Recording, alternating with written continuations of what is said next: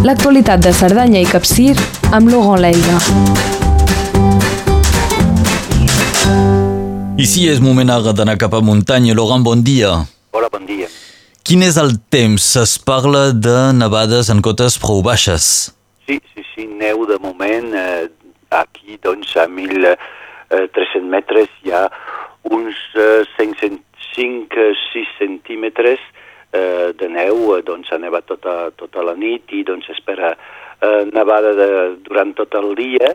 Eh, cal anar amb compte eh, perquè la temperatura és de 2 graus sota zero, eh, doncs eh, a, les carreteres eh, rellisca una mica, hi ha molt de vent, doncs eh, cal anar amb compte també amb les congestes a, a alguns llocs i doncs eh, a partir doncs, d'aquesta nit que ve eh, i demà un, molt de fred demà al matí, eh, després eh, doncs demà dissabte diumenge eh, sol amb núvols i després principi de setmana el sol eh, tornaria eh, a lluir eh, eh, com a la, a la primavera però eh, amb temperatures bastant baixes per la setmana que ve.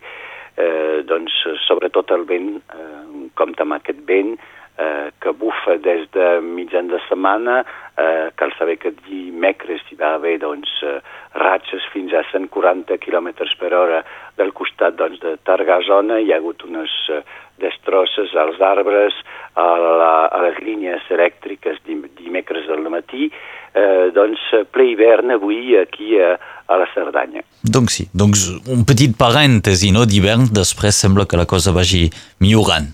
Sí, sobretot que aquesta setmana vam tenir unes temperatures a la tarda que doncs eren a l'entorn de 12-15 graus i doncs sí, sorprèn una mica. Molt bé, doncs aviam, escalfeu-vos a muntanya de, durant aquell cap de setmana. Nosaltres tractarem ara temes d'actualitat. Evidentment, el coronavirus centra la nostra atenció. Sembla que hi hagi un, un, una nova revifalla eh, del coronavirus. Quina és la situació? Bé, la situació aquí a Cerdanya Capcí eh, del revifalla, de moment estem bastant tranquils, eh, però hi ha interrogacions sobre el que passarà amb l'obertura doncs, a, a Catalunya del Sud de, eh, del perímetre comarcal i doncs, l'arribada de, de gent, eh, sobretot de, de Barcelona, als caps de setmana i sobretot aquest cap de setmana per començar i doncs després a final de mes amb la, la Setmana Santa i doncs eh, com que d'un costat i de l'altre eh, les restriccions són les, les mateixes, eh, com sempre, eh, doncs les interrogacions és de saber exactament el que es, es pot fer eh, per anar d'un costat o de l'altre. Eh, del costat francès doncs, vam tenir una resposta de la prefectura eh, i del Ministeri de l'Interior on és molt clar, eh, és a dir que eh, la frontera no està tancada, eh, però la gent que viu a primera residència eh, més enllà de 30 quilòmetres de la frontera, doncs totes les persones que viuen més enllà del túnel del Cadí, per exemple, han de, de fer una prova PCR de, i de provar doncs, nega, que és negativa eh, de menys de 72 hores per poder venir al territori francès i, en canvi, per la, la gent de, del territori francès per anar a Catalunya és una mica més complicat eh, perquè estem esperant una resposta oficial de part de la Generalitat. Jo he trucat a la, a la Conselleria d'Interior i esperem, eh, des de dijous, eh, esperem eh, una resposta clara, com els he demanat, eh, per poder doncs, anar o no eh, de l'altre costat de, de la ratlla aquí a, a Cerdanya, perquè hi ha gent que, eh, bé, hi ha el cas particular de Llívia, on s'hi pot passar, la gent s'hi atura eh, per a fer doncs, eh, eh, gasolina eh, o comprar tabacs o altres coses, anar als restaurants, però no sabem exactament si podem o no podem, i doncs pel que fa a Puigcerdà, on és més important el nivell de centre atractiu eh, pel que fa per eh, l'esport, per exemple, o les compres, les botigues, les botigues etc., eh, sovint la resposta és, és això depèn de, de sobre qui caureu, eh, sobre el mosso eh, en qui caureu, si eh, doncs posarà o no una multa. I doncs això no és una resposta i el que voldríem de part de la Generalitat o fins i tot de l'estat espanyol, eh, una, un, sé, una resposta amb explicacions, sí. es pot fer això o no es pot fer això. I perquè eh, eh, això triga, eh, fa un any que, que, que triga, és molt llarg eh, i, i l'atractivitat de Puigcerdà hi és i Puigcerdà és el nostre, com sempre ho he dit, eh, nucli eh, doncs, eh, més important aquí és la nostra vila, eh, doncs eh, això eh, és difícil d'entendre que sigui a, a París o a, o a Madrid. I en general els habitants doncs, d'aquell costat arrisquen un poc i, i creuen la frontera o es veu poca gent que ho cada, faci? Cada vegada més hi ha, uh -huh. hi ha Mhm. gent de França que creu la frontera per anar a, a, a Puigcerdà. Uh, de gent de Puigcerdà que ve al, al, al costat francès sí que n'hi ha.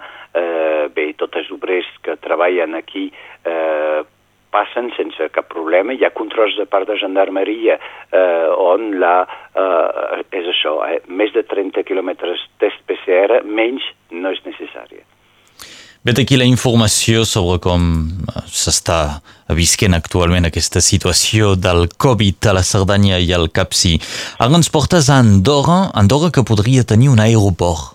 Sí, doncs la polèmica d'aquesta setmana, doncs eh, eh, a la Cambra de Comerç i d'Indústria d'Andorra ha presentat eh, aquest dimarts un projecte d'aeroport internacional a prop de, del pas de la casa, és a dir, més enllà, una mica més enllà de la porta en Valira, quan baixem cap a Garau Roig, eh, doncs eh, eh, aquest projecte és de, de construir aquest eh, aeroport eh, per poder eh, eh, fer que la, el Principat d'Andorra pugui tenir línies eh, internacionals perquè no seria eh, un aeroport petit com, eh, com ja hi ha a la Seu d'Urgell, sinó un, un dels grans que podria, que podria atraure eh, Boeings, etc., eh, amb un objectiu doncs, de fer venir gent eh, rica o almenys d'un alt nivell eh, aquí a Andorra directament sense passar per, per la carretera.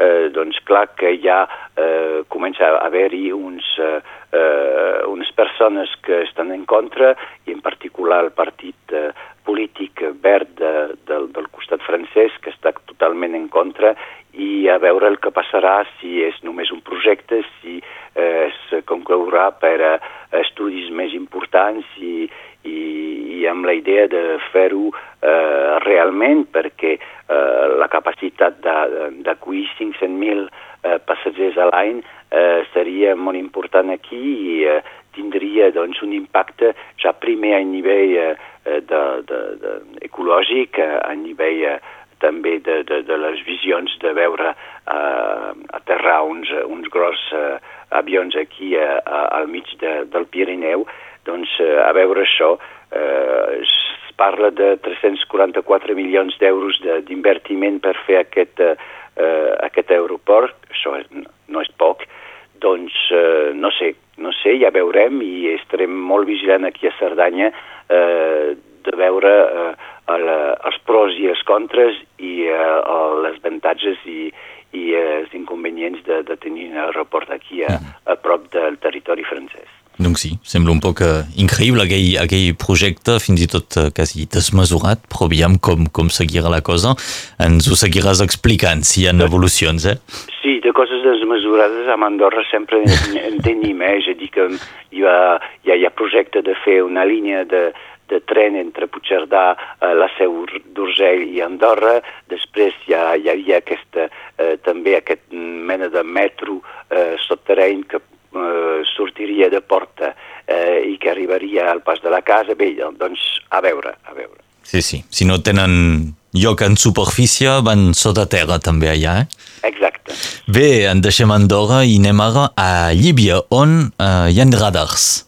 Sí, doncs s'ha posat dos radars, ja, ja ho havia explicat, però aquests radars eh, doncs al mig de Llívia eh, i doncs a, a les dues entrades cap a, a del costat de Sallagosa eh, d'un costat i de l'altre costat cap a, a, a Puigcerdà, eh, doncs eh, un radar de limitació de, de velocitat a 40 quilòmetres eh, en llocs on realment eh, poca gent eh, doncs va a 40 quilòmetres i doncs fa polèmica perquè hi ha molta gent que eh, es fa eh, atrapar per, per aquests radars i, i doncs cal saber que eh, pot haver-hi 8.000 vehicles eh, al dia que passi eh, per, aquest, eh, per aquesta carretera eh, i també doncs, la majoria de la gent que eh, es fa atrapar per, la, per el radar són eh, francesos que travessen Llívia.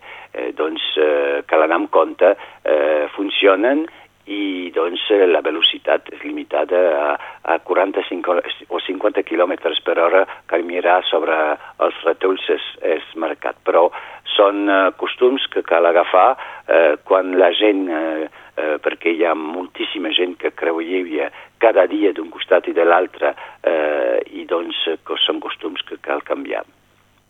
Doncs prudència si circuleu a Llívia amb motor apolit als radars.